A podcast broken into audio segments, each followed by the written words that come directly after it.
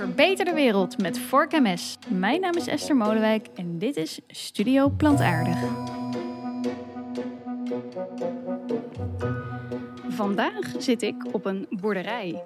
En niet zomaar een boerderij, ik zit bij de Leghennen boerderij Kipster. En ik spreek met oprichter Ruud Zanders, die onlangs iets zei dat waarschijnlijk nog nooit een kippenboer heeft gezegd. Namelijk dat we minder eieren zouden moeten eten. Met zijn vooruitstrevende visie op de landbouw is hij ook nog eens voorzitter van de Boerenbelangenbehartigersclub Caring Farmers. En vanuit die rol schoof hij aan bij de gesprekken met Johan Remkes over het hoog opgelopen stikstofdebat. Genoeg gesprekstof dus. Maar voordat we het gesprek ingaan, eerst even dit. Ik heb in de zomer veel reacties en suggesties mogen ontvangen van luisteraars. Enorm bedankt daarvoor. Uh, nu ga ik die reacties niet één op één in deze podcast behandelen, maar ik ga ze de komende afleveringen voorleggen aan ja, experts die zich in jullie vragen hebben verdiept. Um, dus blijf ze sturen, uh, bijvoorbeeld naar info.studioplantaardig.nl of via onze social media. En dan heb ik nog een leuke mededeling. In dit nieuwe seizoen ga ik aan het eind van elke aflevering het laatste nieuws op het gebied van de eiwittransitie doornemen met Pablo Moleman van Proveg. In de nieuwe rubriek Het Vegan Journaal. Blijf luisteren dus, je hoort hem aan het eind van deze podcast. En dan nu Ruud Sanders. Ruud, wanneer eh, wist je eigenlijk dat je boer wilde worden? Nou, dat heeft best wel even geduurd, denk ik. Ik denk toen ik een jaar of uh, eh, 18 tot 20 was. En daarvoor, uh, ik ben opgegroeid op een pluimveebedrijf. En daarvoor heb ik altijd gezegd van ik wil uh, alles worden, maar geen kippenboer. Ah, en, en waarom was dat?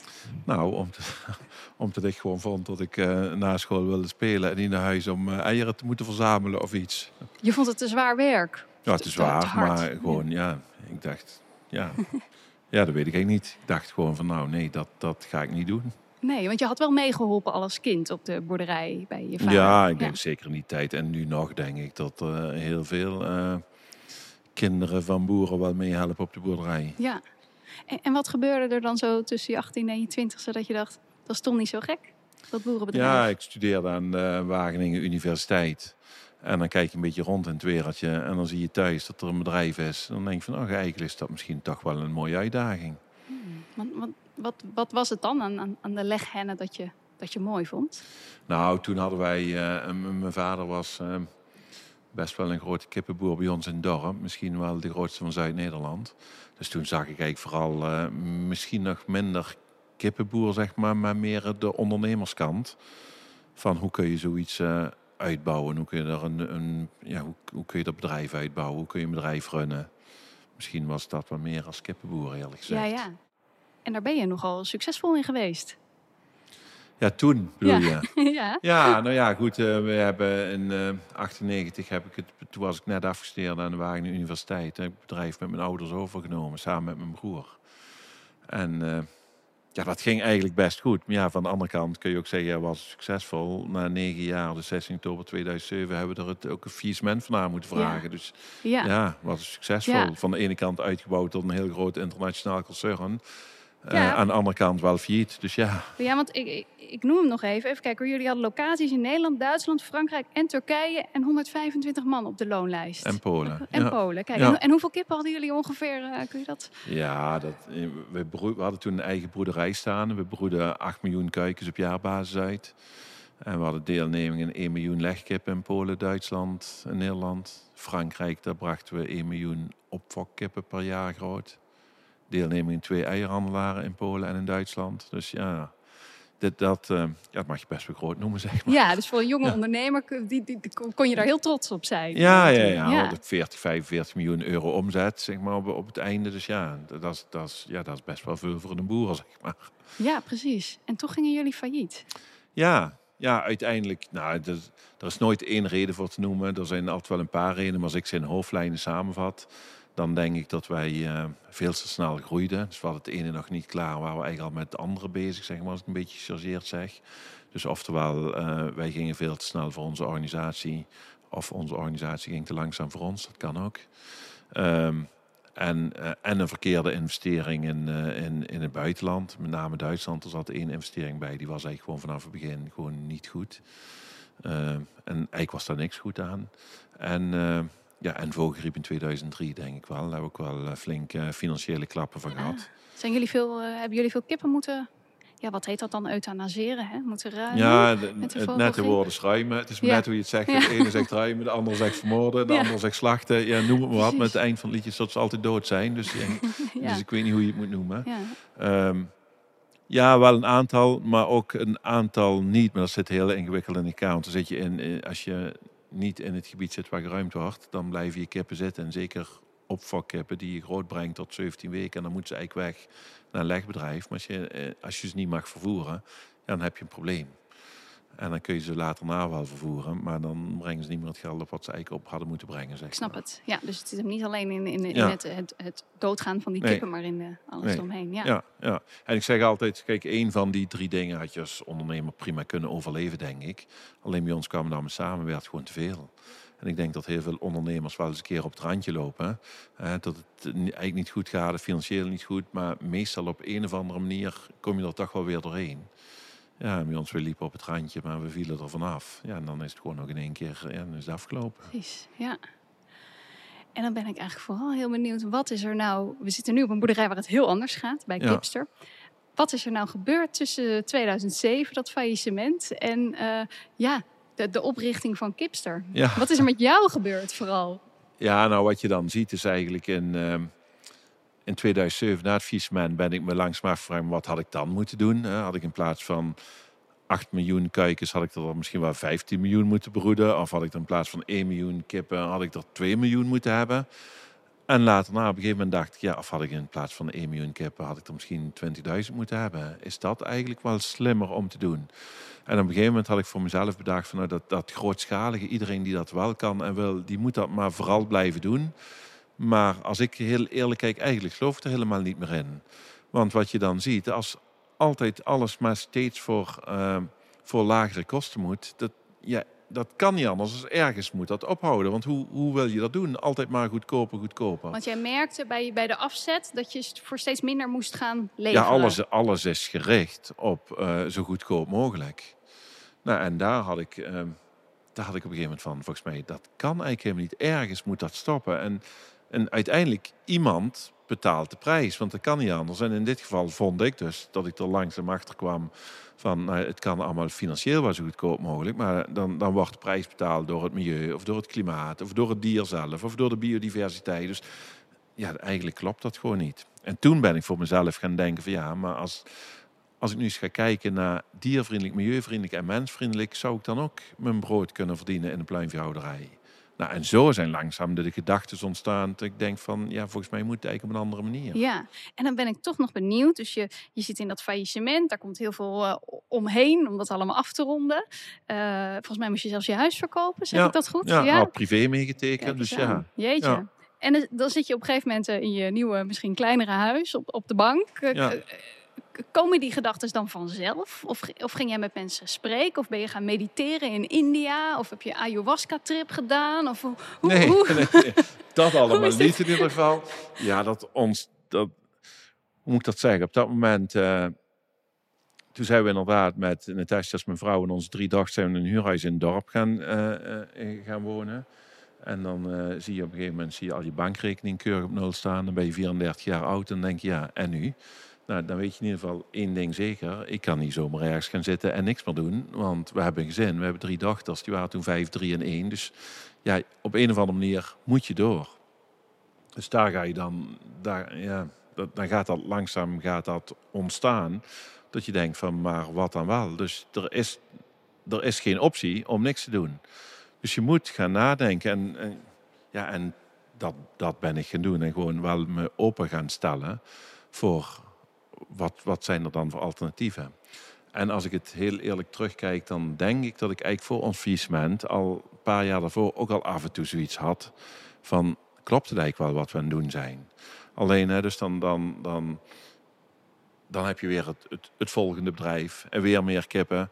En toen had ik wel even zoiets, ja, waar eindigt dit? En dan heb je het er s'avonds met je gezin wel over. En dan denk je van, ja, moet dat steeds groter? Moet dat steeds meer? Maar ja, dan ga je naar bed en dan sta je s ochtends op. En dan ben je verantwoordelijk voor een omzet van 40, 45 miljoen euro en 125 medewerkers. Dus daar ga je maar door. Op de rijdende dus, trein. Ja, daar kom je er eigenlijk gewoon niet uit. En uiteindelijk wat ik uh, in het ook wel heb geleerd, en dat klinkt heel stom, maar er zijn echt veel belangrijkere dingen als je zaken, zeg maar. Dus op het moment dat je uh, in je huis weg moet en je gaat naar een huurhuis, dan daar zag ik best wel tegenop. Maar ja, na, na de verhuizing, dan zit je uh, s'avonds op de bank, zeg maar, bij alles verhuisd. En dan zit je s'avonds op de bank, dan zit je gewoon met je gezin uh, een of ander dom televisieprogramma te kijken met een zak chips erbij en een glaasje cola. En dan denk je, ja, wat is eigenlijk het probleem? ja. Oh, dat klinkt alsof we dat allemaal eh, een keer mee zouden moeten maken. Ja, nou, ik gun het niemand, moet ik eerlijk zeggen. Want ik praat er nu redelijk makkelijk over. Maar dus, dat was echt wel een heel zwart gat en een heel moeilijke tijd. Maar ja, goed, voor mij... Uh, ja, misschien gaf het ook wat bepaalde inzichten. En misschien moet het ook zo zijn. En iedereen maakt denk ik wel een keer wat in zijn leven mee... waarvan het zo, toch een soort omslag is. Bij de ene overlijdt misschien de partner. Uh, bij mij was de faillissement. Bij weer iemand anders is het een, een, een zware ziekte waar die hopelijk dan doorheen komt. Wat toch weer een andere kijk geeft. Dus ja, ik denk dat iedereen wel wat, een keer wat meemaakt waardoor je toch gaat nadenken of wat een omslagpunt is. Of ja, bij ons was dat, uh, of bij mij in ieder geval was dat faillissement. Ja. En toen ben je Kipster gestart? Ja, nog niet meteen. Toen ben ik gaan nadenken wat zou het moeten zijn. En um, toen had ik wel dus besloten van nou, ik, ik wil eigenlijk best wel in de dierlijke sector blijven. Ja, dat ligt toch een beetje je roots. Alleen ik wil wel echt kijken of het op een andere manier kan. En toen ben ik eerst 4,5 jaar directeur geweest van Rondeel. En die Rondeel eieren die bij Albert Heijn liggen. En dat was de eerste, ik kende die eigenaar ervan. Daar hadden we in Vlee al veel zaken mee gedaan.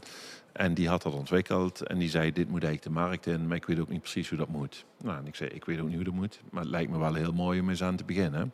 En dat was de eerste keer dat ik zag dat je dus met een systeem, een diervriendelijker systeem en een samenwerking met een supermarkt, in dit geval Albert Heijn, dat je dan toch kunt geven, oh, het, het kan in ieder geval wel. En daar ben ik toen na 4,5 jaar ben ik daar zo'n beetje gestopt. Eigenlijk met simpele reden dat we verschil van inzicht hadden hoe dat rondel verder moest. Dus de eigenaar en ik. Nou, en, en, en, kun je daar een tipje van de sluier van oplichten? Waar, wat, wat had jij graag gedaan om het daar verder te brengen? Ik vond dat we het allerbeste ei moesten maken. Dus we deden wel wat op dierenwelzijn. Maar nog relatief weinig op milieu. We deden niks met haantjes, deden heel weinig met voer. Deden nog eigenlijk niet echt wat met energie. Dus ik vond dat we best ei moesten maken. En de eigenaar die wilde eigenlijk gewoon zoveel mogelijk ronddelen uh, zien te plaatsen. En dat snap ik, want daar stonden allemaal systemen in waar hij leverancier van was. Dus uh, ook niks ten nadele ervan, want we hebben ook nooit geen ruzie of wat dan ook gehad, maar gewoon een verschil van inzicht. Ja, jij wilde nou nog een stapje verder. Ja, ja, nou ja, en dat is prima. En, op, en toen hebben we ook netjes tegen elkaar gezegd van nou, dan hebben we een paar jaar echt echt op een leuke manier met elkaar samengewerkt. Kijk er ook nog echt met plezier op terug. Maar toen hebben we wel de conclusie getrokken, nou, dan moeten we uit elkaar gaan. En toen had ik voor mezelf zoiets, ja, maar dan ga ik wel kijken hoe dat ik echt zou vinden dat het moet. En daar is langzaam eigenlijk ontstaan, zijn mijn kipstergedachten ontstaan.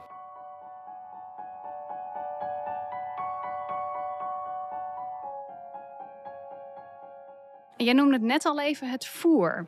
En, en uh, wat, wat, ik me heb laten vertellen is dat jij uh, vooral door, door een, een Afrikaanse delegatie uh, tot andere inzichten bent gekomen over het voer. Hoe, hoe, ging dat? Nou, ik ben toen, toen ik daar, toen ik bij Ronde ben gestopt, toen ben ik ook nog vier jaar, dus van 2013 tot 2017, ben ik lector geweest, gezonde pluimveehouderij aan de Eres Hogeschool in Dronten. Dat was een parttime job. En daar hebben we toen een aantal Afrikanen rondgeleid die me vroegen van kun je eens de Nederlandse pluimveehouderij in ons laten zien. Kwamen uit een paar verschillende landen uit, uh, uit de west, uh, westkant van Afrika.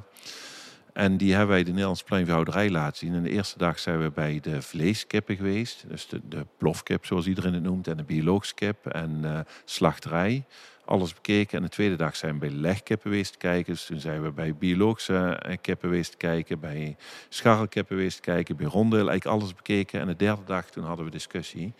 En aan het eind van die derde dag toen vroegen ze mij of ik hun mee kon helpen om zoiets, om zoiets ook mee op te bouwen in hun land. Dat, dat prachtige efficiënte systeem wat we in Nederland hebben. Ja, ja, Nou ja, en ik zei toen, ja, misschien, misschien kan ik het wel, maar ik weet helemaal niet of ik dat wel zou willen, maar ik zou het misschien wel kunnen.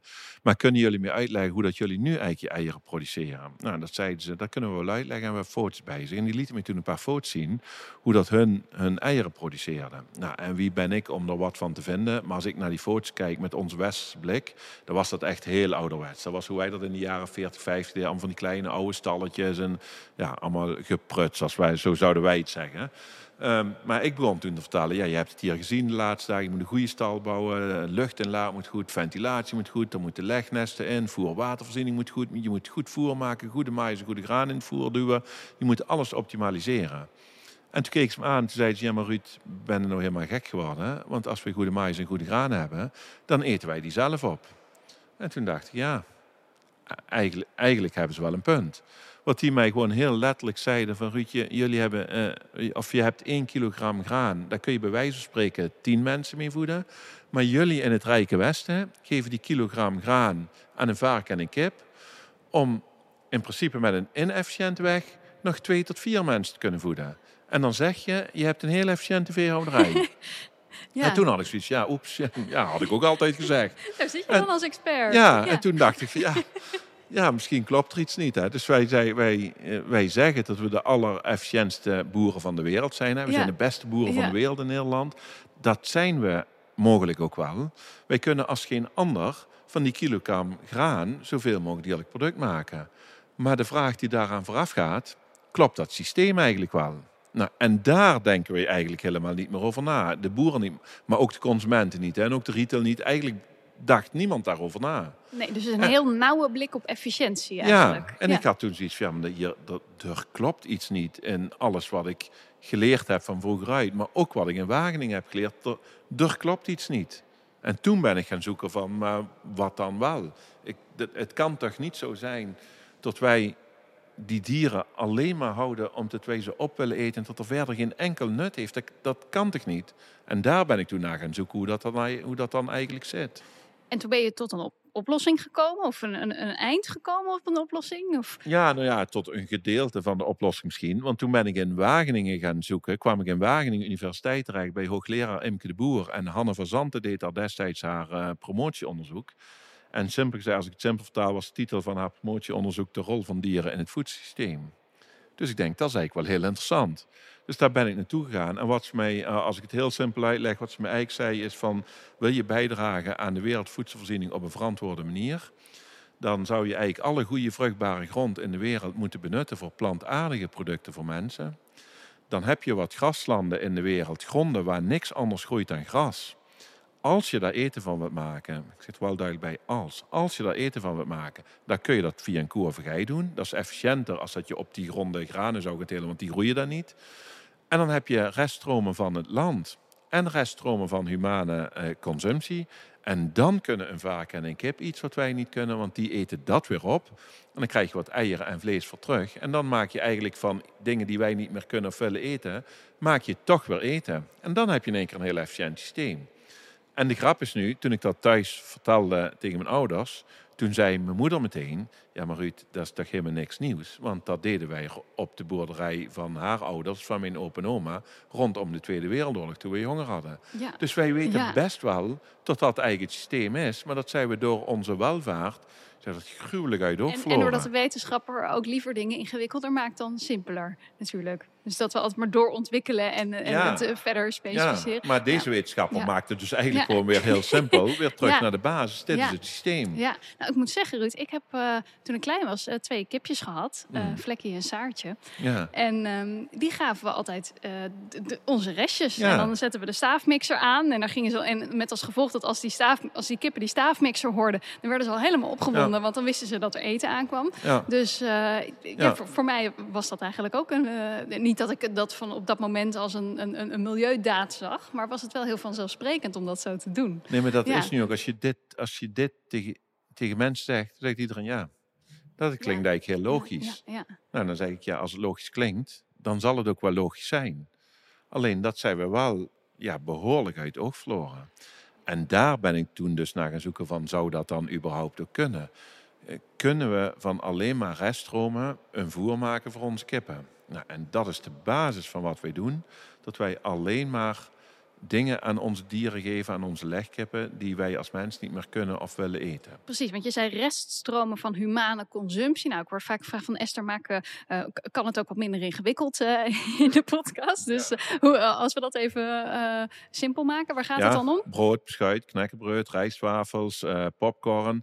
Alles wat in, een, in het productieproces van de fabriek wat daar mislukt of te veel geproduceerd of, uh, ja, of, of dingen die wij niet meer willen eten. Wat tegen de THT aanzet, wat dan niet meer in het supermarktschap kan, want te dicht tegen de datum aan. Of uh, als wij uh, van die sandwiches maken, dan maak je eerst een heel brood, dan snij je vervolgens de korstjes eraf, want die passen niet in een sandwich. Ja. ja. Dus het zijn strikt gezien niet dingen die we echt niet kunnen eten, maar het gaat vaak over dingen die net buiten het systeem of buiten onze behoeften vallen. Ja, nou is het wel zo, ja precies, die wij, uh, een aantal van die dingen die, de, de, iedere fabriek heeft altijd wat reststromen. Dan mislukt altijd wel een keer iets wat dan, of dat dan toch uh, uh, een ingrediënt in vergeten in een broodsbak. Nou, dat kunnen wij dan eigenlijk niet meer eten. Nou, dat kan dan echt prima in dieren. Maar de, daarom, ik zeg ook bewust, dingen die wij niet meer kunnen of willen eten. Want het begint natuurlijk met het, nou het begint het niet mee, maar het is eigenlijk schandalig dat niet willen. Dat is zonder meer al schandalig. Hè? Maar ja goed, zolang dat dan maar gebeurt, dan kun je dat alsnog aan dieren geven. Maar eigenlijk moet je dat verminderen. Dus ik zeg ook altijd, wat wij doen als kipsters is eigenlijk niet het beste. Want het allerbeste is natuurlijk om die reststromen te vermijden. Dus zo min mogelijk reststromen. En wat je echt niet zou kunnen vermijden, dat zou in de toekomst nog naar dieren kunnen. Nou, het, het gevolg daarvan is dat je automatisch naar veel minder dieren gaat. Maar ja, dan denk ik, wat is daar erg aan? Dus in principe, misschien is het dier wel blij, uh, het milieu is blij. Uh, ja, volgens mij is iedereen dan eigenlijk blij. Ja, nou dat is wel een dappere boodschap uh, in, om, om dat als veeboer te zeggen.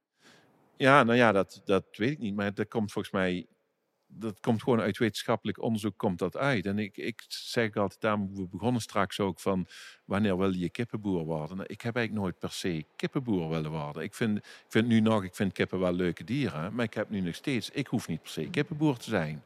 Het zou misschien ook wel heel mooi zijn als we helemaal geen reststroom hebben en we doen niks meer met kippen. Is misschien iedereen nog wel veel gelukkiger. Dus dus het hoeft voor mij niet de boodschap te zijn, je moet zoveel mogelijk eieren eten. Nee, je moet de eieren eten die we kunnen produceren met reststromen. En als dat nul wordt, dan wordt het nul. Ja. Hoeveel eieren eet je zelf eigenlijk? Ik? bijna geen. Ik denk als ik tien per jaar eet, dan is het veel. Ja.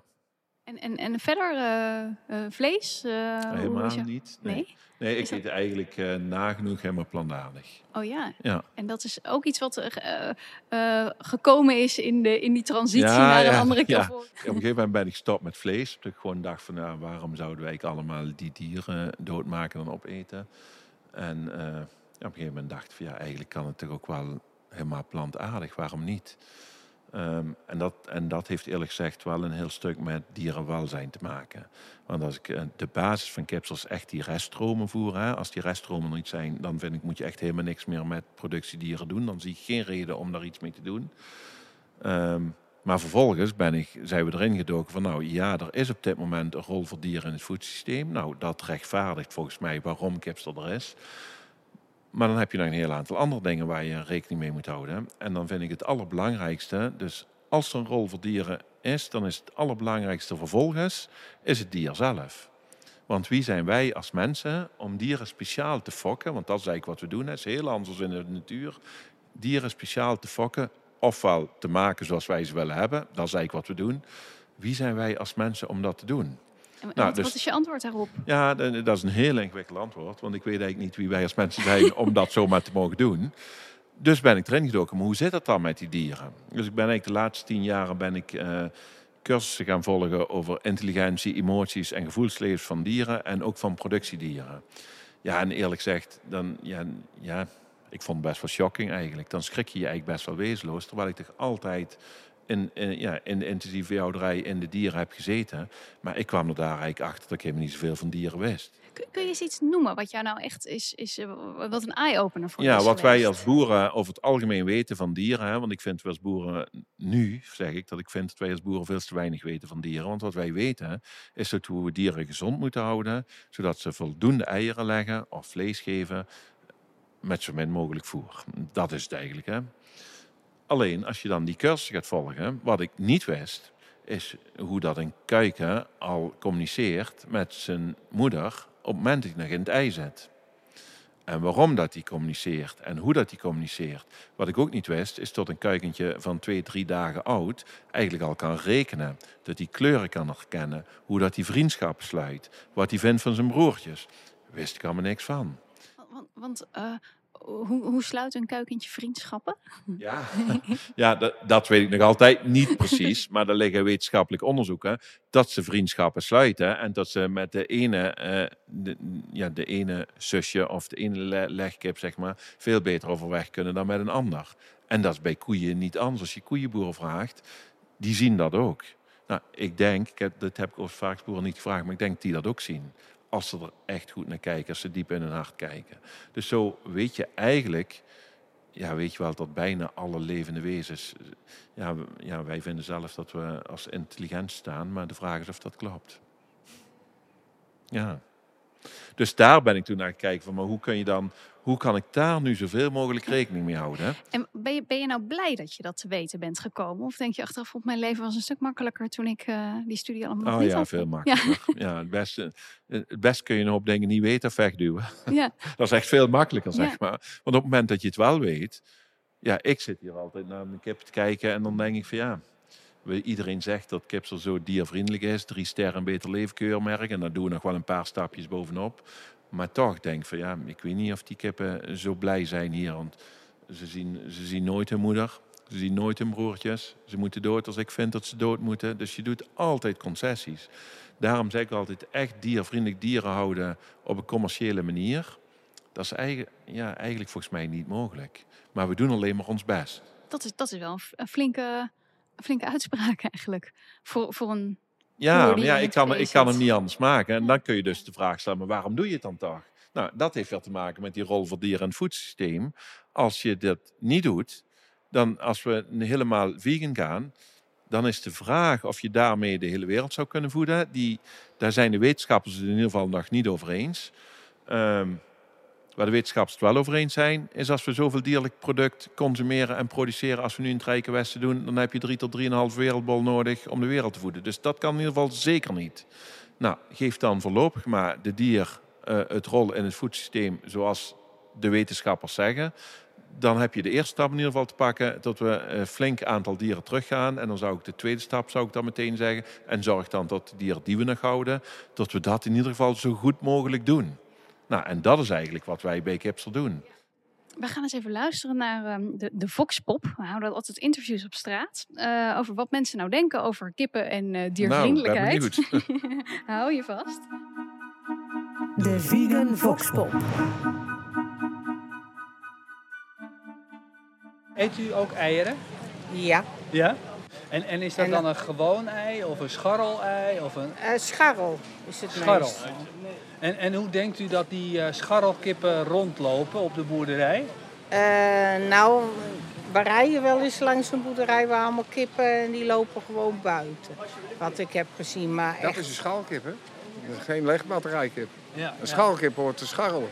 Ja. Toch? Dat woord zegt het al. Die hoort gewoon vrij te lopen. Ja. Anders is het geen scharrelei.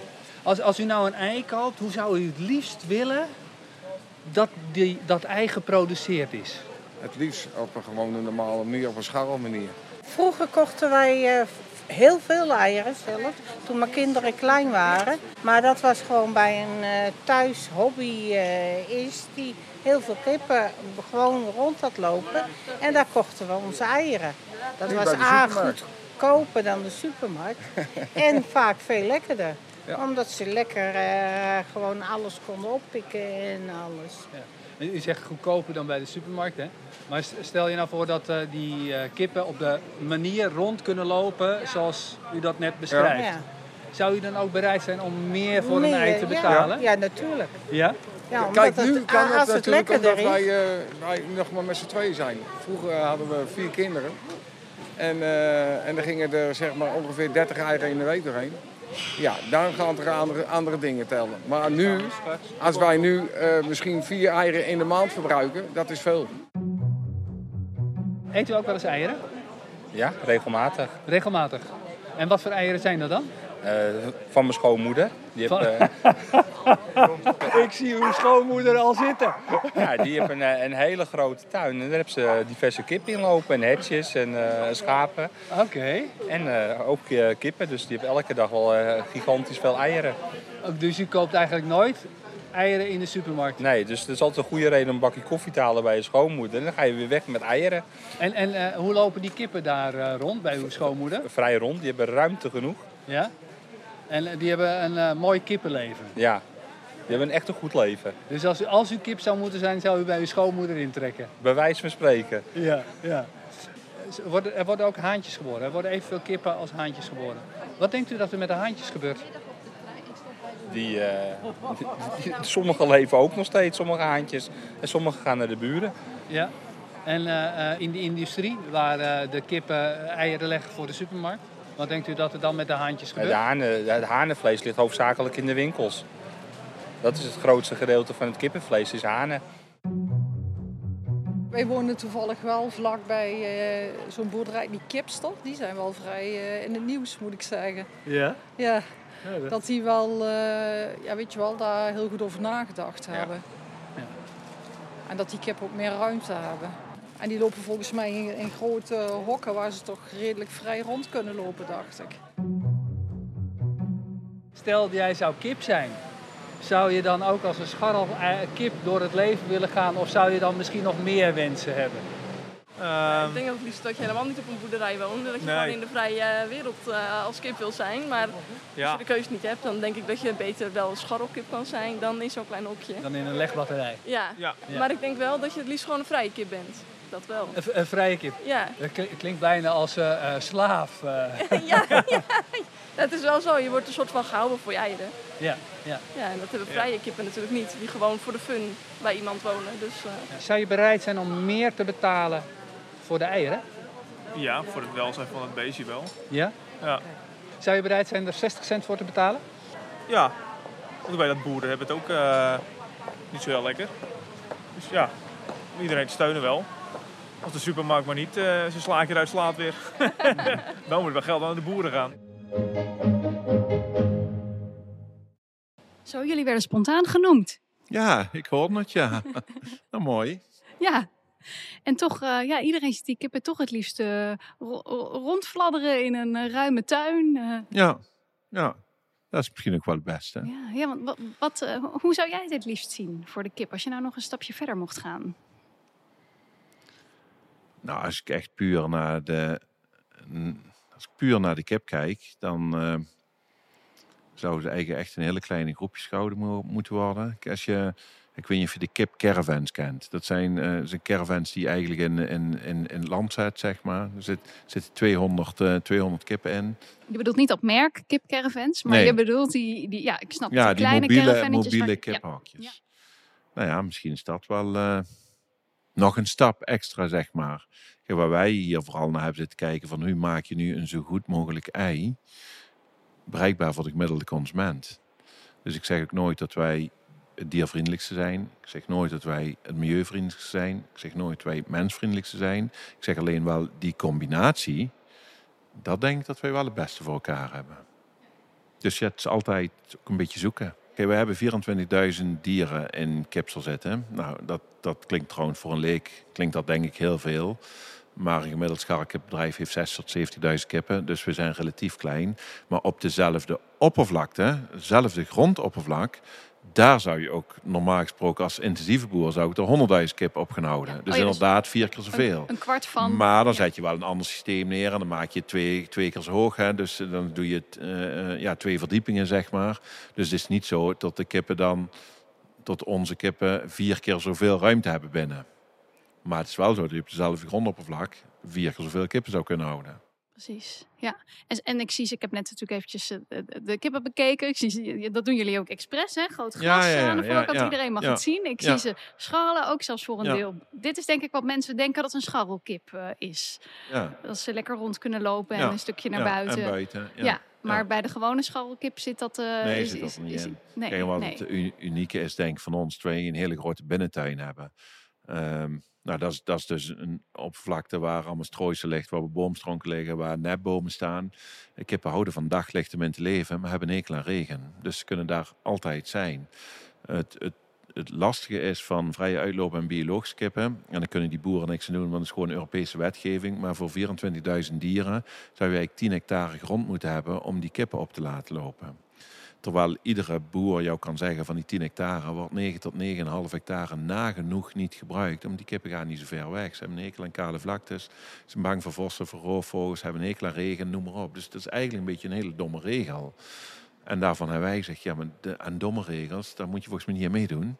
Dus wij doen dat ook niet, wetende dat je dan officieel geen vrije uitloop en ook geen biologisch genoemd mag worden. En wij hebben dan veel meer zitten kijken, zou je dan niet juist uh, de 70 tot 80 procent van de kippen blijven dan eigenlijk ook altijd binnen? Zou je het dan niet moeten proberen binnen veel beter voor elkaar te hebben? Nou, Precies. en dat is onze grote binnentuin geworden. Ja, dus het is makkelijk voor ons om allemaal te denken, zoveel kippen, dan moet er zoveel ruimte zijn. Ja. Als die kippen maar ruimte hebben, dat lijkt de, de maatstaf voor diervriendelijkheid. Ja, maar dat, is het niet. Nee, nee. nee. Nee. En vervolgens hebben we natuurlijk wel gezegd, we hebben er wel buitentuinen aan zitten. hè. Want daadwerkelijk buiten zijn draagt bij aan het welzijn van nagenoeg alle levende wezens. Dus voor mensen, maar ook voor varkens, ook voor kippen.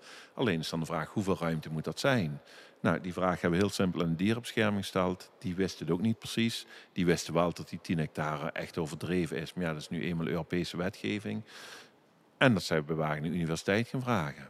Nou, en daar zijn de buitentuinen op ontstaan dat die groot genoeg zijn als je het combineert met de binnentuin. Ja.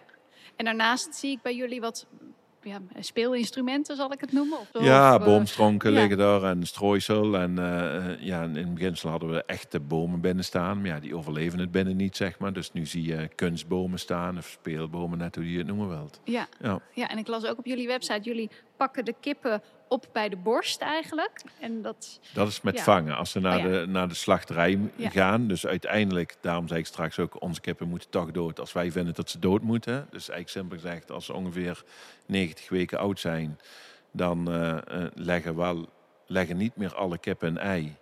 Maar ze eten wel allemaal voer. Dus heel simpel gezegd, op een gegeven moment worden de kosten van het voer eigenlijk hoger dan de opbrengsten van de eieren. Nou, dat houdt je niet lang vol als commercieel bedrijf. Dus dan gaan kippen altijd naar de slachterij. Waar je ook zit ter wereld, zo gebeurt overal. Dus ook bij ons. En dan heb je nog de vraag, hoe ga je dan die kippen vangen? Hoe ga je ze transporteren? Nou, en dan pakken wij ze inderdaad rechtop bij de borst. Terwijl het gangbaar is, die ze eigenlijk bij de poot pakt. En dat deden wij vroeger zelf ook altijd op onze bedrijven. dat je ze aan, als je op hun kop hangt eigenlijk en aan de pootjes vasthoudt. Dus Ja, zo, en dan eh, ja. vooral uh, ja, tussen eigenlijk bij de poorten, even op de kop en dan met, ja, met een paar tegelijk, zeg maar, in, in een krat eh, ja, propt, als ik, als Ja. ik het zo mag zeggen. Ja. Ja, dat heb je vroeger ook gedaan. ja, genoeg. vroeger, Ja. Ik heb mijn hele uitgaansleven met BK verdiend. Ja. Ja, ja, ja ik, kan het wel, ik kan het wel anders maken, maar Ja. het is niet anders. Ja, het, Ja. ja. het is wel eerlijk om dat, eh, en ook moeilijk misschien om zelf te kijken naar. Ja, nu, toen vond ik dat normaal. Hè? Dat, je, zit daar, je zit gewoon helemaal in die wereld en je, je weet niet beter. En het moet toch allemaal ook op tijd en op snelheid. Dus ja, dan vind je dat normaal. Maar nu, nu ik dus probeer ik af en toe gewoon eens afstand van te nemen. En eerlijk gezegd ook me wat laten inspireren door mensen die daar niet in zitten. Dus ik vind het bijvoorbeeld wel interessant wat Wakker Dier zegt. Of wat de Kering Vet zegt of zo. Ik vind dat interessant. Omdat ik dan denk van ja, dat zijn mensen die zitten daar niet in. Dus die kijken ook met een heel ander blik naar dier. En als je je daarvoor opstelt, dan vind ik eigenlijk vaak ook nog dat ze helemaal geen domme dingen zeggen. Toen kijk ik denk, ja, ja, ik had wel een punt. Ja. Ja, en dan ga ik maar kijken, wat kan ik er dan mee? Ja, precies. Ja.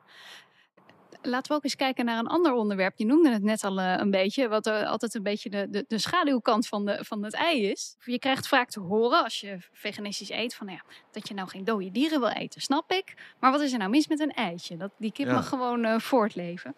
En, eh, maar die schaduw die daarboven hangt, dat, dat gaat over de haantjes. Wat een cliffhanger, hè? Nou, ik breek hier even in.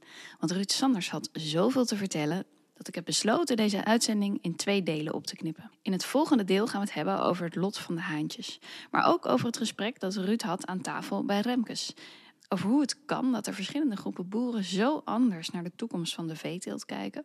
En over hoe hij kijkt naar de toekomst van zijn eigen kippenbedrijf. Nou, dit hoor je dus allemaal in de aflevering die volgende week verschijnt. Maar nu gaan we, zoals beloofd, naar het Vegan Journaal. Het Vegan Journaal.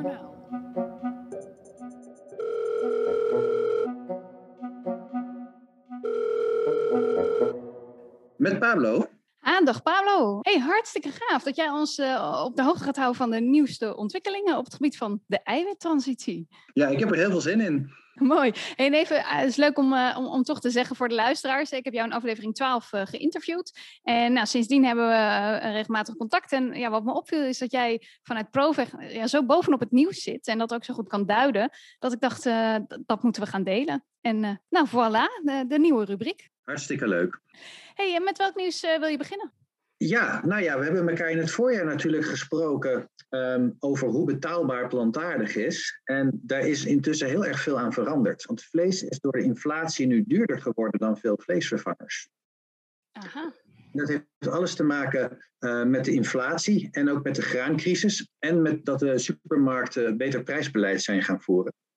Wat je dus ziet is dat uh, door de hogere kosten uh, vlees gemiddeld 21% duurder is geworden en de vleesvervangers maar zo'n 2%. En dat maakt dat onder andere vega gehakt, kipstukjes en burgers nu gemiddeld goedkoper zijn geworden dan hun dierlijke evenknieën. Jeetje, dat is, een, dat is echt een flink percentage. Ja, zeker. Ja. En, en ook in het buitenland zien we zulke ontwikkelingen. In Duitsland en het Verenigd Koninkrijk bijvoorbeeld is de koemelk nu duurder dan de havermelk. Ja, nog meer prijsgerelateerd nieuws. Verschillende grote koffieketens, waaronder de Coffee Company en Starbucks, hebben besloten om te stoppen met de toeslag op plantaardige melk. Tot kort geleden moest je soms nog wel tot 75 cent extra betalen als je die in je koffie wilde in plaats van koemelk. Maar de ketens die kiezen er nu voor om met dit beleid te breken, omdat ze de duurzamere optie niet langer de duurste willen laten zijn. En met de afschaffing van die toeslag is een plantaardige cappuccino nu dus precies even duur als eentje met koemelk. En uh, zijn dan alle prijzen gewoon omhoog gegaan of uh, is het gemiddelde omhoog gegaan? Weet je dat? Nee, nee, ze hebben echt alleen de toeslag laten vallen. Dus de, de prijs voor de koffie die is gelijk gebleven. En de stad Haarlem die heeft besloten om vanaf 2024 geen reclames voor bio-industrievlees meer toe te laten in het straatbeeld. Dat is onderdeel van nieuwe regelgeving om advertentieruimte in de openbare ruimte niet meer te verhuren aan vervuilende producten, waaronder dus vlees, maar ook bijvoorbeeld vliegreizen. Haarlem is de eerste stad in de wereld die zo'n beleid invoert. Ik ben eigenlijk wel heel erg benieuwd of er steden gaan volgen. Uh, de vleeslobby die zal in elk geval niet blij zijn met het besluit van de gemeente Haarlem. Want die starten juist deze maand met de campagne Nederland Vleesland om mensen een beter gevoel te geven bij het eten van vlees. Nou, in de bushokjes zal die campagne dus in elk geval in Haarlem niet komen te hangen. Volgens een woordvoerder willen ze het debat over vleesconsumptie depolariseren. Ja, heb je eigenlijk het gevoel dat het zo gepolariseerd is, uh, het debat over vleesconsumptie? Ja, eigenlijk niet. Uh, misschien wel als je kijkt naar de reacties op Twitter, waar mensen soms wel eens heel fel reageren van blijf van mijn gehaktbal af. Uh, maar als je kijkt naar opinieonderzoek, zoals dat bijvoorbeeld laatst is gedaan door de Vrije Universiteit en het Kieskompas, dan blijkt dat er een grote stille meerderheid van de Nederlanders is, van zo'n 75 procent, um, die eigenlijk vinden dat het best wel wat minder mag met de vleesconsumptie. En ja, ik heb eigenlijk een beetje het idee bij die campagne van de vleeslobby dat ze zichzelf misschien ook een beetje in de voet hebben geschoten. Want ik zie juist allerlei uh, uh, tegenberichten verschijnen op Twitter. Uh, hoe zie jij dat? Ja, ja, natuurlijk. Die tegenreactie die valt te verwachten. En, en ook de mensen die niet reageren, die zullen denk ik wel hun bedenkingen hebben. Want het is toch een beetje alsof je ergens een bordje neerzet met niks aan de hand, mensen lopen rustig door. En dan gaan ja. mensen toch even kijken wat er aan de hand is. En ik denk dat het dan eerder zal bijdragen aan het ongemak dat mensen toch al voelen, dan dat ze opeens denken dat het allemaal wel meevalt met de klimaatproblemen en het dierenleed. Nou, bij deze dan uh, hartelijk dank aan de vleeslobby. um, ja, en, we moeten het toch eigenlijk ook even hebben over die polarisatie die ontstaan is naar aanleiding van dat stikstofdebat. Nou, de kranten stonden er vol van, dus dat, dat gaan we hier uh, niet helemaal herhalen. Maar wat is jou nou het meest opgevallen deze zomer rondom de, de boerenprotesten en, uh, en het stikstofdebat? Ja, het is, ja, wat me toch wel heel erg opviel is hoe breed uh, de steun is voor die boeren. Je ziet overal in het land die omgekeerde vlaggen hangen. Terwijl de mensen die direct geraakt worden door dit beleid, nou, dat is eigenlijk minder dan 1% van de bevolking. Uh, maar de, de, de veelobby is er heel slim in geslaagd om hun eigen belang te verkopen als het algemene belang. Alsof heel Nederland hierdoor geraakt wordt. Terwijl wat er eigenlijk aan de hand is, is dat de Nederlanders geraakt worden door die excessen van de veehouderij en dat de overheid probeert om hen daartegen te beschermen. Ja. Nou, Pablo, uh, voordat we het uh, door hebben, hebben we er een hele podcast van gemaakt. Maar uh, we, we, blijven dit volgen natuurlijk. Over twee weken is er vast weer verder nieuws. wat ik tot slot nog wil melden is ja, een boek dat mij erg geïnspireerd heeft van Tobias Leenaert. Hij was ook te gast in aflevering 9. How to Create a Vegan World is nu naar het Nederlands vertaald. Um, en ik heb me laten vertellen trouwens dat jij er ook nog een rol in hebt gespeeld. Ja, dat klopt. Want uh, het boek is niet alleen vertaald, maar het is ook volledig geüpdate en aangevuld uh, met de meest recente Nederlandse en Belgische cijfers en voorbeelden. En daar heb ik een bijdrage aan geleverd. En hij heet Naar een Vegan Wereld. Nou, dat was hem voor, uh, voor, deze, voor dit Vegan Journaal. tot over twee weken.